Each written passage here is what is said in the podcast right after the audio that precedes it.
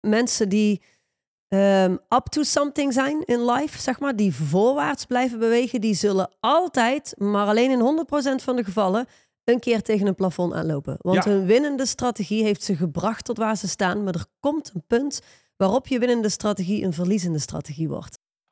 Welkom bij de Straight Line Podcast. De leiderschapsdialoog met diepgang en inhoud. Iedere week opnieuw een eerlijk gesprek over radicaal effectief leiderschap in turbulente tijden. En over winnen in het leven. Welkom bij de Straight Line Podcast met Mandy en Johan van der Put. Stoutmoedig versus arrogant is de distinctie die vandaag centraal staat in deze podcast. Hoofdstuk 29 van het boek Straight Line Leadership. Wat uiteraard meer dan de moeite is om te bestellen en jezelf in te verdiepen als je toch al luistert naar deze podcast. Fantastisch hoofdstuk, denk ik, of niet? Meneer Van der Put. Ja, een lang hoofdstuk vooral. Dus dit is een van die hoofdstukken. Het is een half A4'tje en er zit een hele, een hele wereld zit hierachter. Ja, ja het, is, het is nog niet eens een A4'tje. het boek is nog niet eens een A4'tje. Dus het is inderdaad in het boek maar een heel kort hoofdstuk, maar wij kunnen daar wel heel veel verdieping aan geven. En dat is natuurlijk ook het hele idee van deze podcast. Ja. Zo, sowieso, luister, degene die luisteren naar de podcast of die het boek lezen of die eh, mensen die in een lidmaatschap zitten.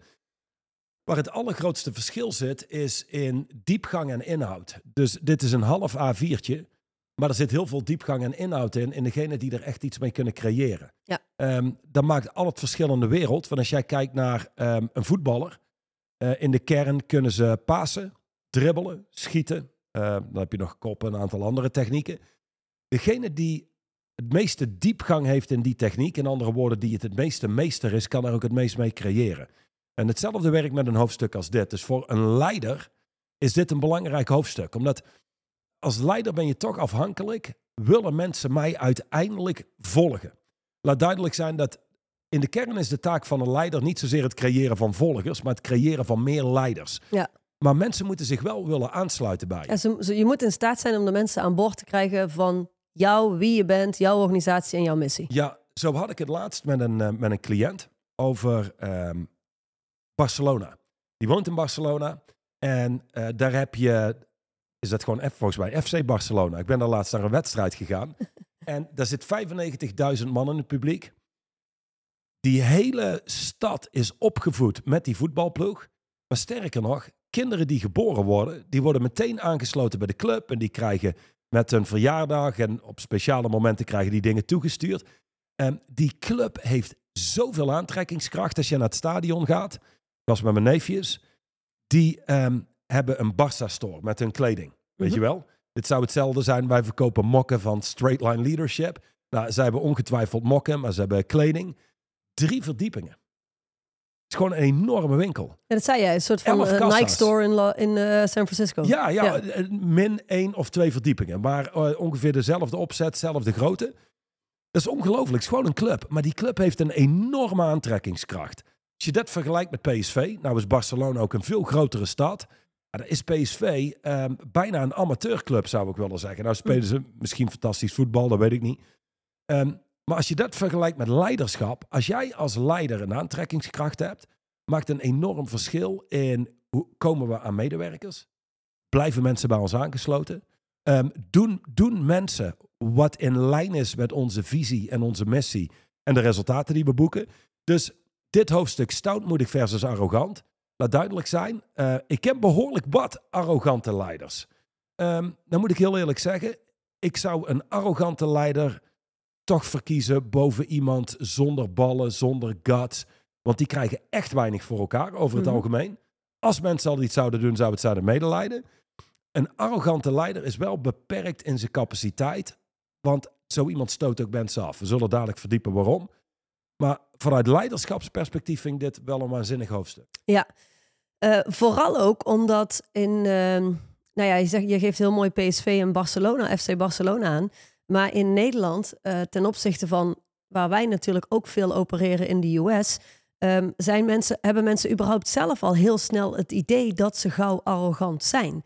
Eh, dus, dus wij zijn heel snel soort van bescheiden en timide ten opzichte van wat er in ons zit en wat eruit zou kunnen komen. En dat is grappig, want in Vlaanderen is dat natuurlijk nog veel erger. Ik bedoel, Belgen zien ons Nederlanders al als arrogant. Simpelweg doordat wij wellicht meer uitspreken wat we denken dan dat Belgen dat doen. In, in de algemeenheid, zeggen ze. Ehm, niet per se de Belgen die ik ken. Uh, en en dan, ga je naar Amerika en heb je nog een heel andere overtreffende trap. Dus het, het, is een heel interessant hoofdstuk, omdat wij Nederlanders vaak veel te bescheiden zijn en onszelf uh, veel sneller kleiner maken dan nodig en dan goed is als je in een leiderschapspositie zit. Ja, sowieso zit er een verschil in cultuur inderdaad. Dus um, als je kijkt naar België, die zijn over het algemeen iets minder uitgesproken. Ja. Um, ik zou niet zozeer zeggen minder communicatief vaardig. Ik, uh, het, het, voordeel vind ik van de Belgische taal. En we hebben zo een aantal leden die op zo'n manier spreken dat je bijna verleid wordt, als het ware. Want het is wel een warme taal. Ja. Uh, maar als je kunt spreken van gemiddelde, zou je kunnen zeggen: een gemiddelde Belg is minder direct, minder to the point. En een Nederlander wordt daar over het algemeen gezien als Hollander, dat is één. Ja. Maar twee, luidruchtig, arrogant. Ja, en, en, doordat ze te direct zijn, hè, doordat niks ingepakt wordt. Dus als het gaat om communicatie, is het heel belangrijk om je bewust te zijn van culturen en, en, en waar je je begeeft en wie de persoon is die tegenover je zit. Um, maar okay. En dan kijk je naar Amerika, ja, dat is, dat is gewoon een ander level. Ja, dus als je daar naar kijkt. Wat grappig is, want dat is absoluut een ander level. Um, tegelijkertijd zijn wij als Hollanders wel een stuk directer in onze communicatie. Ja. Een stuk korter en wij komen veel sneller tot het punt en gebruiken mooi, minder mooie woorden om iets in te pakken. Uh, maar ja, de Amerikanen worden natuurlijk gezien als, als arrogant. Nu vinden de Amerikanen zichzelf natuurlijk ook vaak wel heel erg fantastisch. Uh, ik denk dat dat meteen een mooi bruggetje is. Nou, oké, okay, we hebben het nu over arrogant versus stoutmoedig. Wat is wat? Nou ja, als ik hier kijk, het hoofdstuk is zo kort dat we het er prima bij kunnen pakken. Uh, er staat hier: sommige mensen verpesten hun relaties door hun arrogantie. Ze proberen hun onzekerheid te verbergen door zich beter voor te doen dan ze zijn. Um, als je het mij vraagt, is dat sowieso een belangrijk onderdeel van arrogantie. Uh, arrogante mensen zijn altijd onzekere mensen. Zonder uitzondering, als je mij vraagt. Ze zijn van binnen eigenlijk onzeker. Daardoor presenteren ze zich naar de buitenwereld als heel veel grootser dan ze zijn. Daaraan gekoppeld zit dat ze neerkijken op andere mensen. Ja. Dat is als je het mij vraagt wat arrogantie is. En dan moet je daar één ding aan toevoegen. Als je het compleet wil maken, dat is namelijk... Um, het wordt in bijna alle gevallen gedreven door onzekerheid. Dat creëert een compensatie. Dus we compenseren onze onzekerheid door een arrogante act aan te nemen. Precies.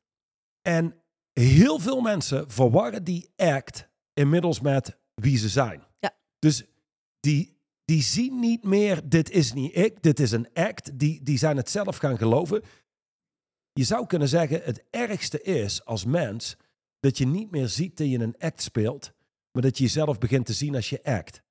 Dat betekent, ja, wat, wat dan lijkt het alsof je krachtig door de wereld gaat, maar in werkelijkheid uh, zit er een hele hoop zwakte achter. Ja, wat natuurlijk van toepassing is op veel meer mensen dan alleen maar mensen die bestempeld zouden worden als arrogant.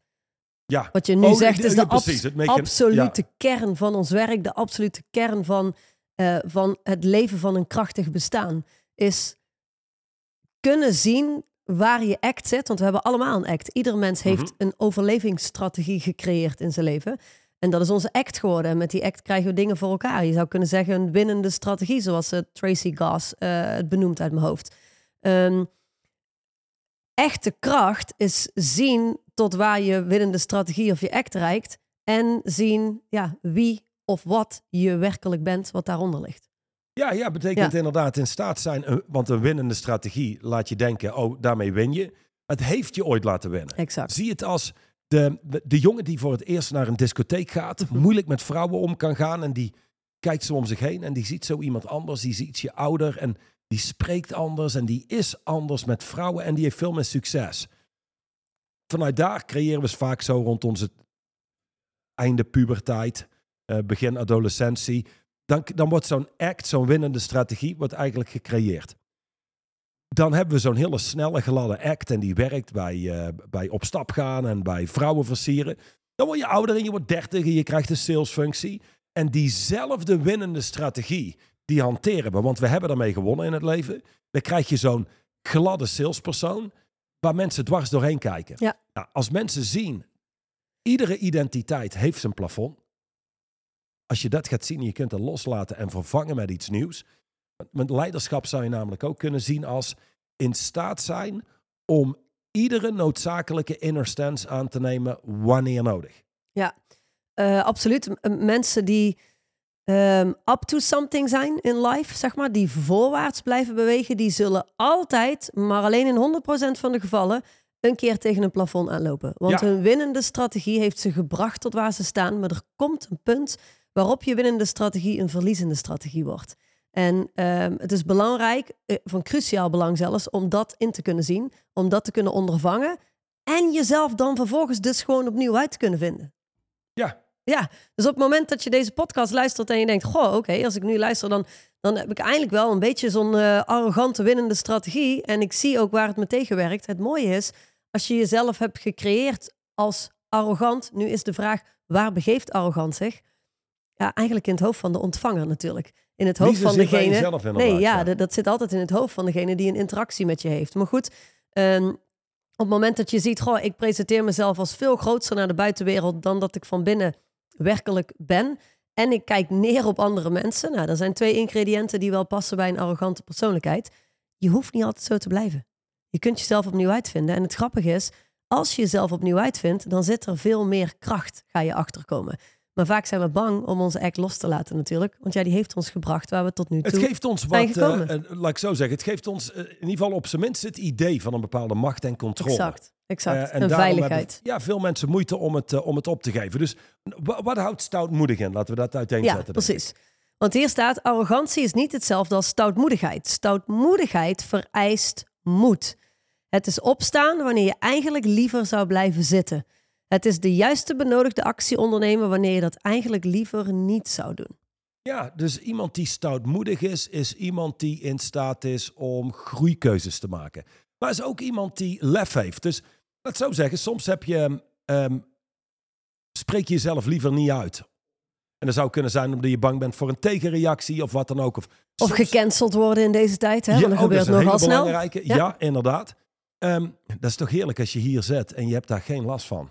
Ehm, Gewoon, we kunnen zeggen wat we om willen. gecanceld te worden. Ja, als jij een tv-persoonlijkheid bent, bijvoorbeeld, maar Ja. ook een politicus, Ja. dan ben je heel erg afhankelijk van publieke opinie. Ja, maar Eh. dat is wel een probleem. Wat, wat mensen, die politici en die tv-persoonlijkheden zo allemaal niet in de gaten hebben, is dat eh, ze eigenlijk zichzelf cancelen doordat ze zo hard hun best aan het doen zijn om niet gecanceld te worden. Ja, Ja, op een gegeven moment word je gewoon in zijn, in zijn gehele algemeenheid gecanceld. Niet omdat mensen je niet meer leuk vinden of niet meer accepteren, maar omdat je gewoon van het vizier verdwijnt. Want je staat nergens meer voor. Bedoel, hoeveel politici... irrelevant. Ja. Ja, ja die, die gaan van rechts naar links. Die staan dan daarvoor en staan dan daarvoor. Kom op, hé. Ik bedoel, het, het is prima om in je leven ergens een standpunt voor in te nemen. En Ja. open te blijven Nou, staan voor andere mogelijkheden. ik, laat ik zo zeggen. Ik, het, ik denk, het is er nooit zo makkelijk geweest om gewoon ergens rond te lopen met lef en gewoon ehm, een hoop voor elkaar te krijgen. Omdat Nee, is als nog- je kijkt hoe bedoel je, dat is nog nooit zo makkelijk geweest? Want ik denk dat mensen dat tegenwoordig moeilijker vinden dan ooit. Ja, dat geloof ik. Alleen als jij kijkt gewoon naar de maatschappij. Als jij kijkt naar 1980, 1990. de- Ik bedoel, 1990 heb ik zeer bewust meegekregen.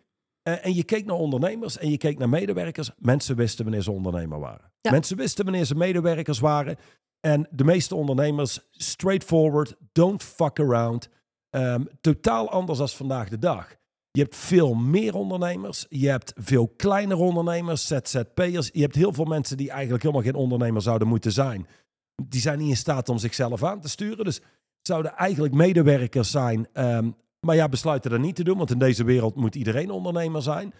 Ehm, Ja, dat is dus- wel interessant wat jij daar zegt. Hè? Want het lijkt alsof ehm, in deze wereld dat een soort van ideologie is geworden. Daarom iedereen die zich inschrijft bij de Kamer van Koophandel, eh, zo heet dat volgens mij in België ook, maar in Nederland ook, ja, die noemt zichzelf ondernemer. Maar het hebben van een Kamer van Koophandelnummer maakt je geen ondernemer.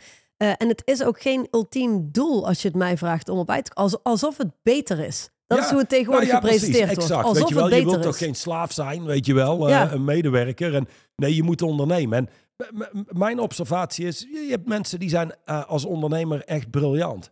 En je hebt mensen die zijn als medewerker van een bedrijf Echt briljant. echt briljant. Ja, precies. Super waardevol. Ja. Eh, en dan heb je nog een hele grote doelgroep, met alle respect, maar die werkt veel harder voor een ander dan dat ze ooit voor zichzelf zouden doen. Ja. Ehm, dus ook die zouden veel beter functioneren aan die kant. Maar dat is de tijdsgeest. Weet je wel, we, we, willen allemaal, allemaal ondernemers zijn. Ja, dat is de tijdsgeest die ontstaan is. Dat is wel interessant natuurlijk in onze conversatie, want die is ontstaan wel in taal. Doordat mensen dat, dat zijn gaan, gaan roepen en presenteren richting elkaar. Ja. Uh, is, is er een hele tijdsgeest ontstaan waarin uh, de nadruk ligt op, ja, je wilt toch niet in loondienst zijn, je wilt toch gewoon voor jezelf werken. Maar sinds wanneer, als je in loondienst bent, werk je niet voor jezelf? Ik bedoel, is er niet überhaupt altijd hoe je op wil komen dagen? Ja, exact. In het leven, in ja, general. 100 procent, 100 procent. En, en ook, om dit, dit af te ronden, dan gaan we terug naar stoutmoedig en arrogant. Uh, weet je wel, wil je voor je eigen droom werken of wil je werken voor de droom van een ander? Um, ik ken een hele hoop bedrijven die op een briljante missie zijn, waarbij het is, als jij dat voor jezelf oont, dan is het van jou. Dan is het jouw missie. Ja. Stop te doen alsof je je niet kunt scharen achter de missie van een ander. En alsof dat minder zou zijn dan, ja, ik heb zelf ook nog een andere visie en die moet ik per se. Er bestaat ook zoiets als onze missie. Hè? Ja. Je, je hoeft het niet te zien als de missie van de ander. Dus dat is absoluut waar. Nou, Uh, maar goed, terug naar Da- da- stoutmoedig. daar laat me zeggen, ja, het is makkelijker dan ooit om te winnen vandaag de dag in het leven. Omdat je steeds minder mensen hebt met lef. Ja. Je hebt steeds minder mensen met ballen. Eh, mensen worden steeds terughoudender en voorzichtiger. Dus als stoutmoedig ondernemer, Mhm. met alle respect, ligt echt de hele markt open. En zeker met name als ik kijk naar onze mentorshipleden, ja, die kijken en die denken, luister, de markt is volatieler, complexer, onzekerder dan eh, in de afgelopen jaren. Maar dat wil niet zeggen dat je niet makkelijk kunt winnen en eigenlijk kunt heen walsen over concurrentie. Ja. Daar ging het vanmorgen toevallig over in een meeting. Ehm, een heel aantal mensen zeggen, ja, de concurrentie begint op te geven. Het wordt zwaarder. Dus voor hun is het makkelijker winnen. Dus voor stoutmoedige mensen, en de quote, ik weet niet of je die wilde bewaren voor de laatste. Mhm. Ehm, maar dat geeft al aan, de wereld is voor degene die moed hebben. Degene Ja. die opstaan, groeikeuzes nemen, bereid zijn gecalculeerde risico's te nemen en gewoon doorpakken. Ja, nu leven we natuurlijk in een tijd, wat we al vaker hebben benoemd, waarin de samenleving eh, aan het verzwakken is. Mensen op zich zijn aan het verzwakken.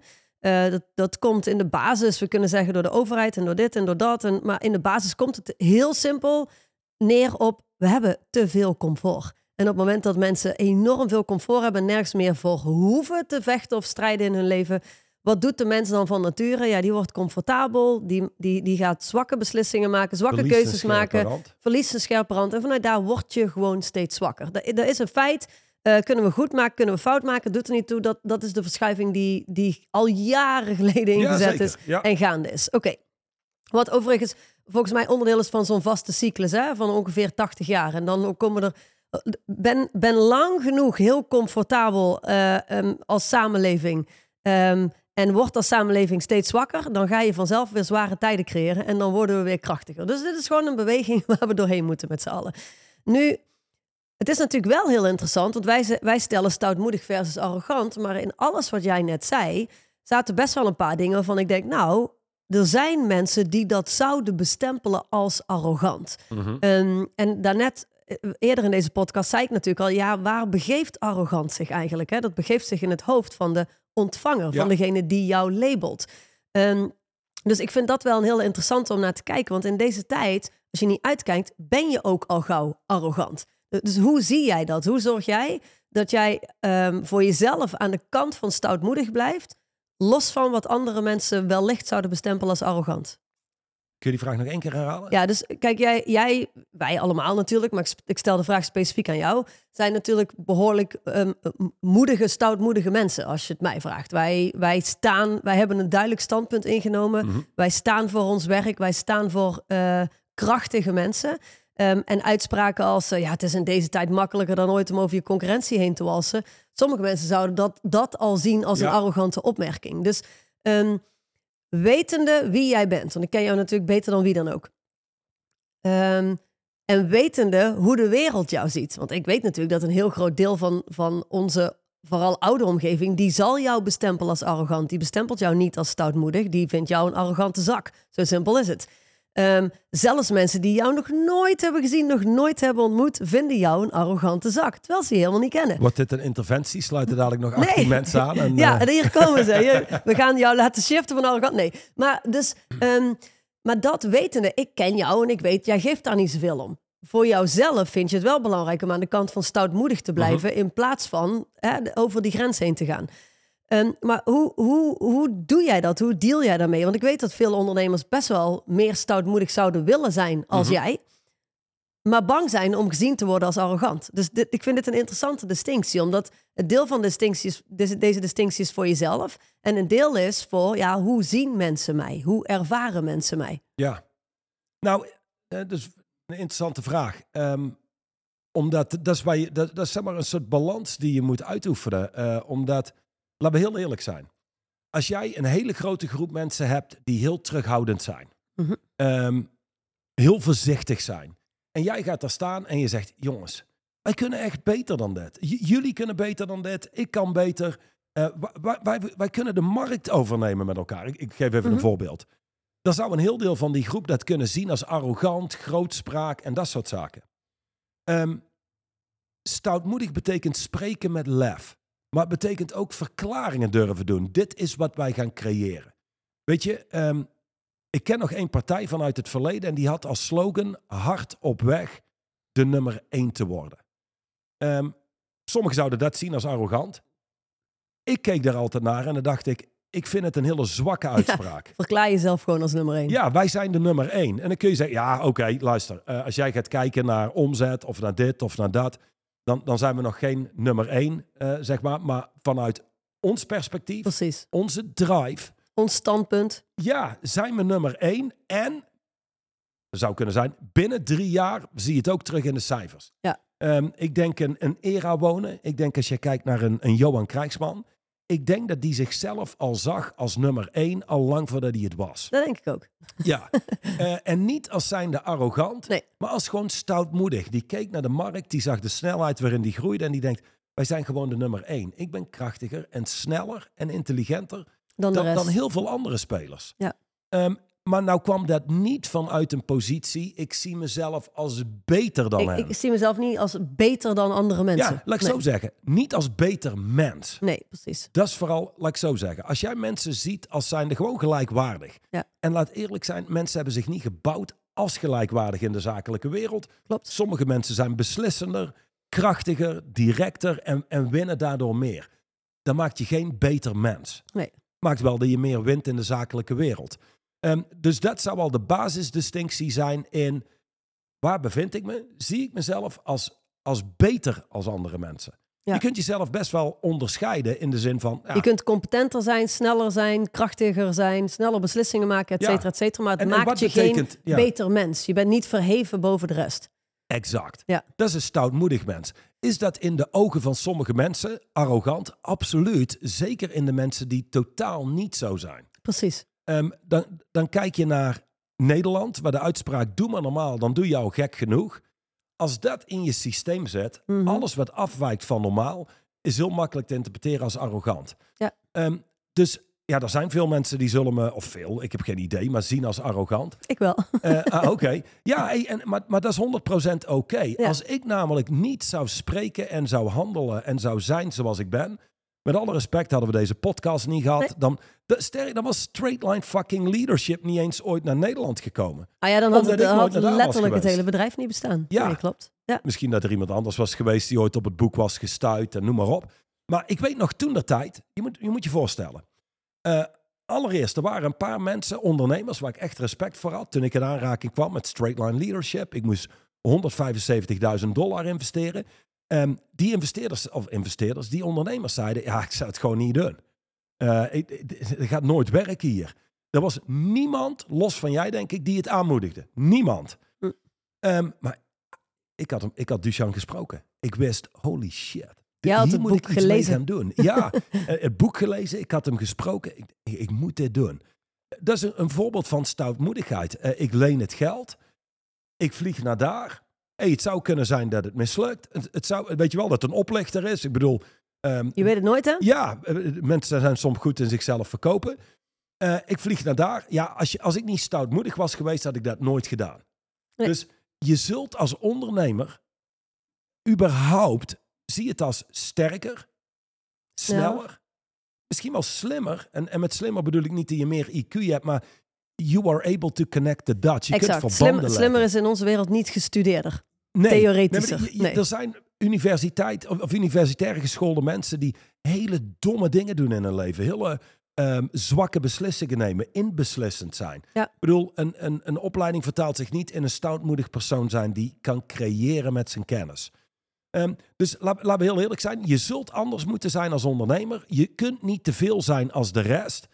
Want dan leef je zoals de rest. En dat is Precies. duidelijk niet wat ondernemen inhoudt. Ja. Ehm, dus dat zou zijn stoutmoedig. Arrogant betekent, ik zie mezelf daarbij in het proces als beter dan. Precies. Maar ook echt als groter dan. En we bedoelen En het met als groter dan. Gewoon, ik kijk neer op anderen. Ja, nou laat me dan dit stukje van het hoofdstuk nog lezen. Arrogantie is drammerig zijn en je verheven, bo- eh, verheven boven de rest opstellen. In een poging om je zin te krijgen. Dus arrogantie zit ook vaak gelinkt aan manipulatie. Onzekere pestkoppen zijn arrogant. Zelfs als mensen een pestkop eh, zijn zin hebben gegeven, willen ze daarna niks meer met hem te maken hebben. Deze negatieve houding roept een negatief gevoel op. En daarom hebben arrogante mensen op de lange termijn moeite om dingen voor elkaar te krijgen. Het ontbreekt hen op de lange termijn aan steun van anderen. Nu, de reden waarom ik jou net die vraag stelde en zo duidelijk stel dat er genoeg mensen zijn die jou arrogant vinden, is omdat als sommige van die mensen naar onze podcast zouden luisteren, waarvan ik toevallig weet dat ze dat ook doen, hè? dat is Mhm. altijd leuk, ehm, ehm, die zouden zeggen, ja, eh, die gaan inderdaad op lange termijn nooit steun krijgen van anderen. Wacht maar, hè. er zijn al jarenlang, ja, ja, ja, ja. jarenlang mensen die zeggen, wacht maar, hun bubbel gaat nog wel knappen. Hun kaarthuis gaat nog wel ineenstorten. Weet ik veel wat ze allemaal zeggen over ons. Want dat is, als je stoutmoedig bent, krijg je ook die, die feedback. Ehm, wat ik wel leuk vind, kijk, want hier staat het natuurlijk ook. Hè? Het Een eh, ontbreekt. stoutmoedige opmerking al. Ik wou zeggen, voor de, voor de mensen die nu luisteren en daar denken, luister, we zijn er nooit zo krachtig, zo snel geweest als dat we op dit moment zijn. Eh, we hebben ook nog nooit zo'n krachtig team gehad. Nee, maar dat is dus leuk, want het ontbreekt hen op lange termijn aan steun van anderen. Ehm, als je niet uitkijkt namelijk, pak je deze, eh, deze distinctie of, of een ondernemer die gaat shiften en die denkt, goh, stoutmoedig, arrogant, ik ben eigenlijk geen van beide, want ik ben eigenlijk gewoon teruggetrokken. Ja, En ik zou eens wat stoutmoediger moeten zijn. Het zou zomaar kunnen dat je mensen in je omgeving kwijt gaat raken. Maar je hoeft niet iedereen op lange termijn aan je te kunnen binden. hè. Je Ik wil dat dat de krachtige ja, mensen op lange termijn aan je kunnen dus binden. Er zu- zullen mensen zijn die zouden zeggen, Johan, je bent arrogant en je zult jezelf moeten aanpassen. Nu, als een Duchan of jij dat tegen me zou zeggen, zou ik denken, oh shit. Het wordt tijd om naar mezelf te kijken, want schijnbaar mis ik iets. Er zijn een hele hoop mensen die het tegen me zouden zeggen, waarbij ik zou weten, nou dan zitten we op het goede spoor. Want ik snap dat ik in jouw ogen arrogant ben. Ja. Nou moet ik ook zeggen, want er zullen mensen luisteren naar de podcast. En bijvoorbeeld als ik kijk naar ons bedrijf, wat snel groeit, dat betekent ook snel groeit qua medewerkers. Ja. Er zijn ook een heel aantal mensen afgevallen. Ja. Ehm, er zijn er twee afgevallen in de afgelopen acht jaar, waar ik van denk, oh die had ik graag willen behouden. Hm. Weet je wel? Eh, en dan ga je uit elkaar en, en dan moet ik zeggen, er- ergens met een beetje pijn in mijn hart. Maar ik gun die mensen absoluut het beste. En, en ik zag voor hen, hey, ik, ik, ik zie wat de volgende stapje geeft. Ehm, bijna, bedoel ik niet slecht, maar eigenlijk bij de anderen denk ik, ja, het is gewoon geen match. Ja. En dan ga je Die kijken, denken nu, wat ben je toch arrogant? ja, I don't give a fuck. En, want dit is namelijk mijn ervaring. Die vallen af, die passen niet bij ons, wie wij zijn als organisatie. en wij niet bij hen. 100 Hetzelfde, Dat, ja. maakt, dat maakt ons niet beter, dat maakt hen niet slechter, maar ook niet andersom. Nee. Ehm, dat is gewoon wat het is. Maar de, de mensen die aansluiten, zijn een, een goede match bij de organisatie. Ja. En dat betekent, ja, er zijn een heel aantal mensen weggevallen in de afgelopen 10, 15 jaar in mijn leven. De mensen die daarvoor terugkomen en de mensen die ik heb, ik kan één ding zeggen tegen je. Ik heb niks met vriendengroepen. Ik heb niks met, eh, ik heb al 200 vrienden of, nee. Ik heb een kleine groep. Ik heb een, een selectief netwerk van krachtige mensen. En krachtige mensen hebben daadwerkelijk een commitment op elkaars welzijn. Exact. En dat betekent in jouw geval dat als jij mij iets ziet doen wat niet werkt, of je ziet ergens zwakte waar ik mezelf in de weg zet, hey, dan is mijn verzoek zelfs om daar iets van te zeggen. Mhm. In deze maatschappij, en dit maakt dat het verschil tussen arrogant en stoutmoedig, deze maatschappij, zwakheid wordt beloond, kracht wordt gezien als gevaarlijk. Dat is altijd in- Ja, in de fase precies. waar we nu met de maatschappij inzetten. Ja. De, de waarheid is andersom. Zwakke mensen zijn fucking gevaarlijk. Want Ja. krachtige mensen hebben controle over hun emoties, over hun stemming, over hun impulsen. Zwakke mensen, die waaien mee met wat ze op dat moment voelen, wat ze ervaren, de conversaties in hun hoofd. Met alle respect. Het zijn de zwakke mensen die moorden. Het zijn de zwakke mensen die verkrachten. Het zijn de zwakke mensen die, die de criminaliteit ingaan. Dus de bottom line is dit. We hebben meer kracht nodig. We hebben meer stoutmoedige mensen nodig. Exact. Dat is de waarheid. De maatschappij heeft dit 180 graden omgedraaid. Nou, als ik dan doorga op deze distinctie, stoutmoedig en arrogant. Je zou kunnen zeggen, you have people with a big ego. En een big ego is, veel van onze mensen komen binnen, die zijn financieel zeer succesvol, denken daarom dat ze beter zijn dan de rest van de wereld. Ja. Dat je krachtiger bent, sneller bent, meer verbanden kunt leggen, maakt je geen beter mens. Nee. Sterker nog, iemand met veel meer victimhood heeft een veel zwaarder leven. Daar kun je, daar kun je, Exact. Je kunt respect hebben voor waar zij iedere dag mee moeten is dienen. een stuk zwaarder dan, Stuk dat zwaarder dan het leven iemand waar wij met een leven. hoop ownership doorheen gaat. Dat is een, een, een big ego. Iemand met een opgeblazen ego, die heeft Groot ego. succes en kijkt neer op anderen. En die zit zichzelf echt in de weg. Want mensen hebben, die, die heeft weinig aantrekkingskracht. Ja, dus big ego's eh, zijn arrogant. Ja, nou, het briljantste voorbeeld wat ik heb van een strong ego is Christophe Kuppers. Die is 32 jaar oud. Is de jongste klant bij de Bentley dealer in Maastricht. Hebben ze nog nooit meegemaakt daar. Ehm, ziet, er, ziet er goed uit. Altijd. Ik weet nog, ik zeg altijd, altijd in een driedelig pak. Ziet er altijd gelikt uit. Ik weet nog ooit dat ik Conor McGregor ging kijken tegen Floyd Mayweather midden in de nacht. Ik sta bij hem aan de deur, doe het open. In een driedelig In een pak. three-piece, inderdaad, ja. Ehm, ehm, dan heeft hij uitspraken met veel lef. Ja. Dit is wat we gaan doen. Wij zijn de nummer één. Wij zijn... En dus is heel makkelijk te zien als een big ego. Maar als je die jongen kent en, en je luistert werkelijk naar wat hij zegt, dit is iemand met een sterk ego. Ja. Dit is iemand met ambitie. Dit is iemand met grote commitments. Dit is iemand die het waarmaakt. Dus hij heeft het resultaat wat bewijst dat wat hij zegt ook daadwerkelijk klopt. Ja. Ehm, maar dat is iemand met een sterk ego. Maar je zult een sterk ego moeten hebben om iets voor elkaar te krijgen. Mhm. Nu, in deze maatschappij laten ze je geloven dat je eigenlijk zonder ego zou moeten leven. Ja. Even Ja. de paradox is, het is je ego die dat zegt. Je kunt niet leven zonder ego. Nee, exact. Dat betekent dat je rondloopt zonder identiteit. Ja. Dus ja, laat ik zo zeggen, überhaupt, iedereen heeft een ego. Een ego is niet een slecht iets. Dat is waar we naartoe gebombardeerd hebben.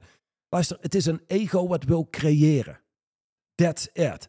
Dus als je daarnaar kijkt, een sterk ego voor ieder ondernemer is van belang. Ja, dus dat is een, een groot ego versus een sterk ego. Dat is wat jij hier uiteenzet. Ja, Een big ego zijn de, de blaaskaken.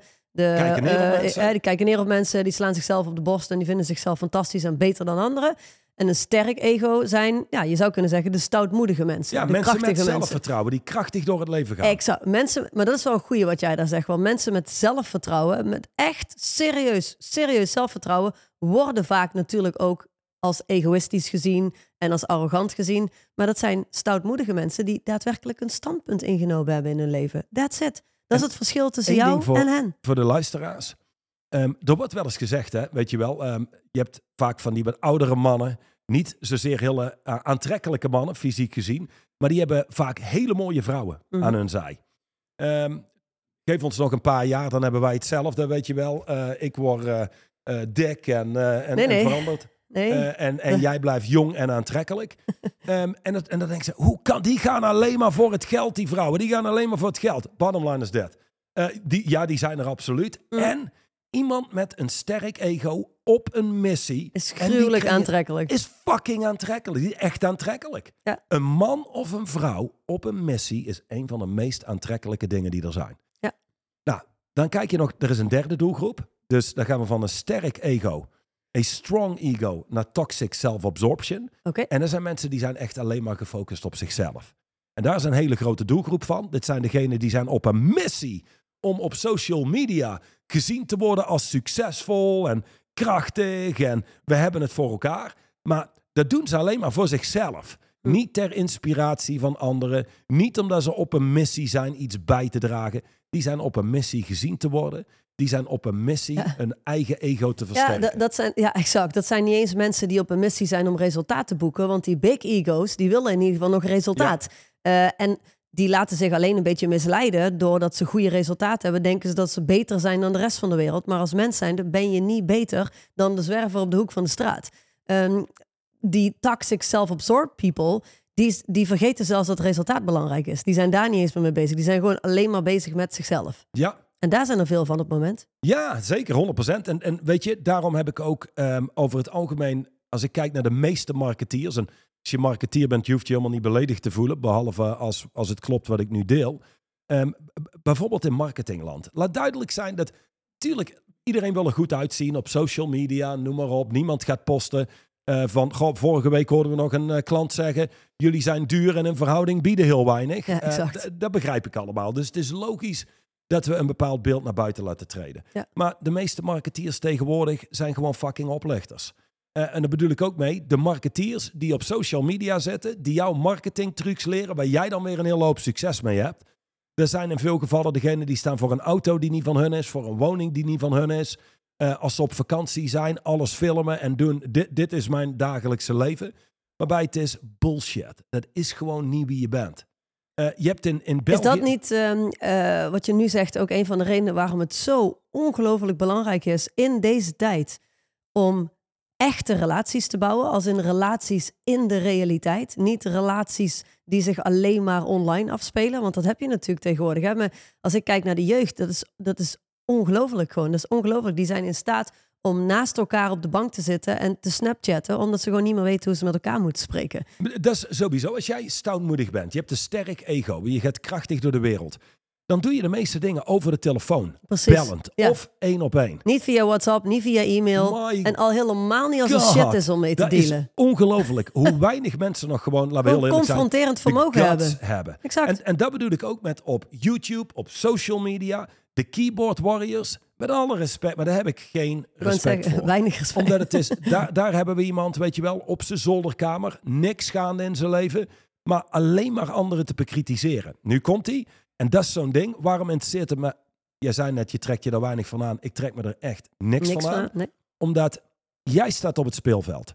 Christophe Kuppen staat op het speelveld. Eh, onze cliënten staan op het speelveld. Als die komen met feedback, hey, ik luister. Ja. Dit, dit komt vanuit iemand met ervaring. Ja, Maar die als jij- meespeelt. Als jij daar op je zolderkamer zit, achter je toetsenbord en je hebt niks gaande. En je zit op de tribune te kijken naar hoe echte mensen hun werk doen. Met alle respect, ik ben niet geïnteresseerd in je mening. Ik ben geïnteresseerd als je op het speelveld staat. Ja, dan luisteren we. Ja, en, en toxic, self-absorbed people zitten op de tribune. Ja, exact. Die staan nooit op het speelveld. Die zijn, die zijn niet zelf in actie, maar die vinden altijd van alles van andere mensen Weet die je wel? wel in En dan actie is zijn. alles, alles moet via videofunnels en moet eh, geautomatiseerd en komt dan in de trechter en dan daar druppelen cliënten uit of klanten of whatever. Fine. En dan heb je nog zoiets als echte relaties, echte Go- mensen. Gewoon aanwezig zijn in de echte wereld. En, ja. en dat is tot op heden de beste marketing. Is krachtige relaties. Mensen die je product zien of dienst zien als zeer waardevol en die erover spreken. Nou, het is een goeie wat je net zegt. Ik heb vanmorgen in, in de meeting die ik draaide, ehm, ging het op een gegeven moment over ehm, het aantrekken van, van nieuwe medewerkers, nieuw personeel, aantrekkelijk zijn als organisatie. En die dame zei, nou, wat ik vorige week eh, meer dan ooit, zei ze, het is niet eh, iets wat ik nog niet zag, maar meer dan ooit ben gaan zien, is dat het heel mooi is hè, om aan de buitenkant heel aantrekkelijk te zijn als bedrijf. En dat ik snap, wij moeten ons imago eigenlijk een beetje oppoetsen, zei ze, als het gaat om eh, medewerkers eh, aantrekken. Zei ze, maar tegelijkertijd besefte ik me ook, maar wacht even, ik heb er 350 in huis. Als ik nou eens zorg dat die 350 medewerkers die ik hier in huis heb, blijer zijn dan dat ze ooit zijn geweest, dan Ja. heb ik 350 ambassadeurs. Is het dan zo belangrijk dat mijn werken bij websiteje helemaal gepolijst is? Is het dan zo belangrijk dat ik het perfecte employer brand logo heb? Of is het veel belangrijker dat ik focus op de mensen die ik al binnen heb? En daar de meest krachtige relaties mee opbouw. En daarom is het van belang een hele duidelijke cultuur neer te zetten. Want ik zei net, weet je, bij ons zijn mensen vertrokken waarbij, waarbij ik dacht, hé, hey, weet je wel, eh, ik, eigenlijk bijna blij. Omdat je gewoon merkt, het past niet bij onze cultuur. Nee, en het beïnvloedt onze cultuur. 100 procent. Dus weet je, in staat zijn. En, want als je niet oplet, dat wat die persoon deelt is zeer krachtig.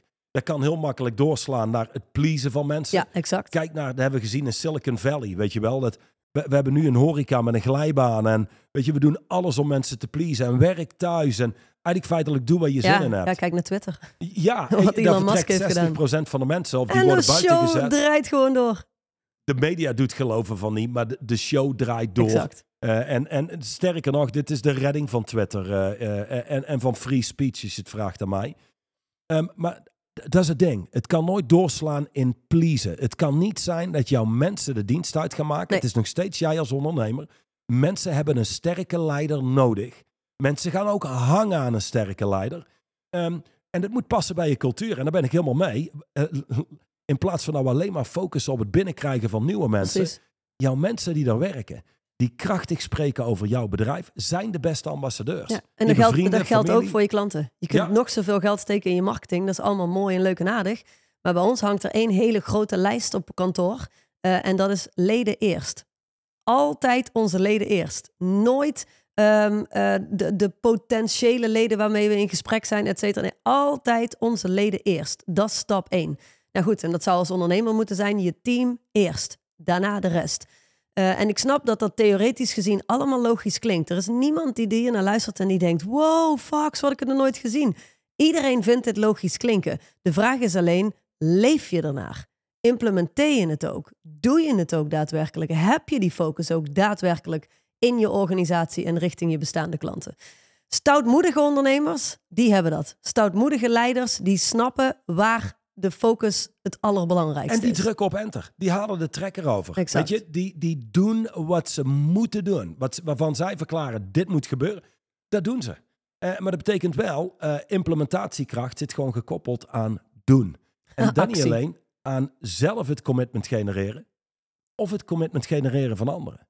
En dat, dat is waar stoutmoedige leiders goed in zijn. Arrogante leiders krijgen weinig commitment van anderen. die dwingen af. Ja, Eh, en mensen werken dan niet zo heel graag voor je. Oké, laten we afsluiten met eh, de fantastische quote van dit hoofdstuk die je net al kort aanhaalde. Hij is van Ovidius en de quote gaat als volgt: The gods favor the bold. moedige mensen winnen. Je moet op het speel- speelveld staan. Je moet moedige beslissingen nemen, moedige acties nemen. Het zijn alleen, maar alleen in 100% van de gevallen acties die impact maken op je realiteit. Dus een stoutmoedig persoon is iemand die bereid is krachtige acties te ondernemen. Ja, dan zijn de goden met je. Ja. Dat is wat ze, wat ze Ovidius uit, eh, uit die tijd. eh, bedoelde te zeggen. Het zijn, het zijn de, de mensen met lef die het lef hebben om anders te zijn dan de standaard. Dat zijn de mensen die daadwerkelijk iets bewerkstelligen in de wereld. Dus skip arrogantie, maar ben stoutmoedig. En loop als leider stoutmoedig door de wereld, stoutmoedig door je organisatie. En the gods will favor you. amen. Tot volgende week. Dan gaan we hierop door. Tot volgende week, dan staan wij stil bij hoofdstuk 30. Oh. ongemak en pijn versus paniek. Wat in deze tijd een ongelooflijk fundamentele distinctie is. Als, mensen mij zouden vragen, weet je Johan, eh, ik snap al die distincties uit het boek zijn natuurlijk briljant, maar al heb jij een top drie, welke zou het zijn? Eén van de drie is 100% ongemak en pijn versus paniek en chaos. en chaos mag daar eigenlijk bij. Ja. Ja. Nou, eh, dan week kijken we door. uit naar volgende week. Oké, bye. Bye.